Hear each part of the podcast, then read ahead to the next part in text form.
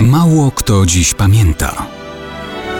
Datownik historyczny prezentuje Maciej Korkuć.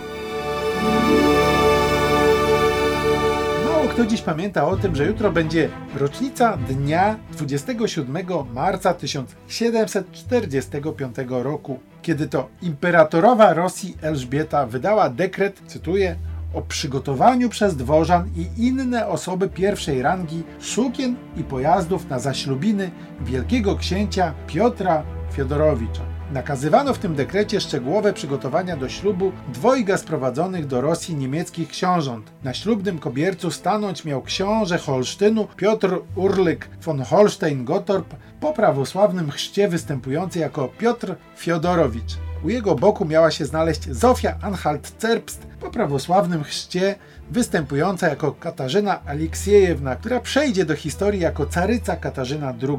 Elżbieta nie miała własnych dzieci, stąd postanowiła uczynić następcą tronu jedynie spokrewnionego z dynastią Romanowów Piotra.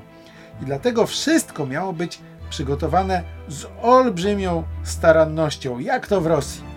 W dekrecie caryca Elżbieta nakazywała wszystkim urzędnikom czterech rang przebywającym w Petersburgu, aby uszyli sobie co najmniej jedno nowe ubranie. Dekret nakazał przygotować karety i służbę. Dokładnie określał, ilu ma być lokajów i innej obsługi przy urzędniku odpowiedniego szczebla. Stąd więc z Francji i Saksonii ściągano instrukcje na temat ceremoniału królewskich zaślubin. Natomiast z różnych miast Europy wieziono do Rosji olbrzymie ilości zamówionych drogocennych sukien, kosztownych materiałów, dodatków i ozdób. To samo dotyczyło ściąganych drogą morską powozów i mnóstwa ekskluzywnego wyposażenia. Do Rosji płynęły więc całe statki ubrań i drogocennych gadżetów. Wszystko po to, aby dopełnić ceremonii zaślubin dwojga niemieckich następców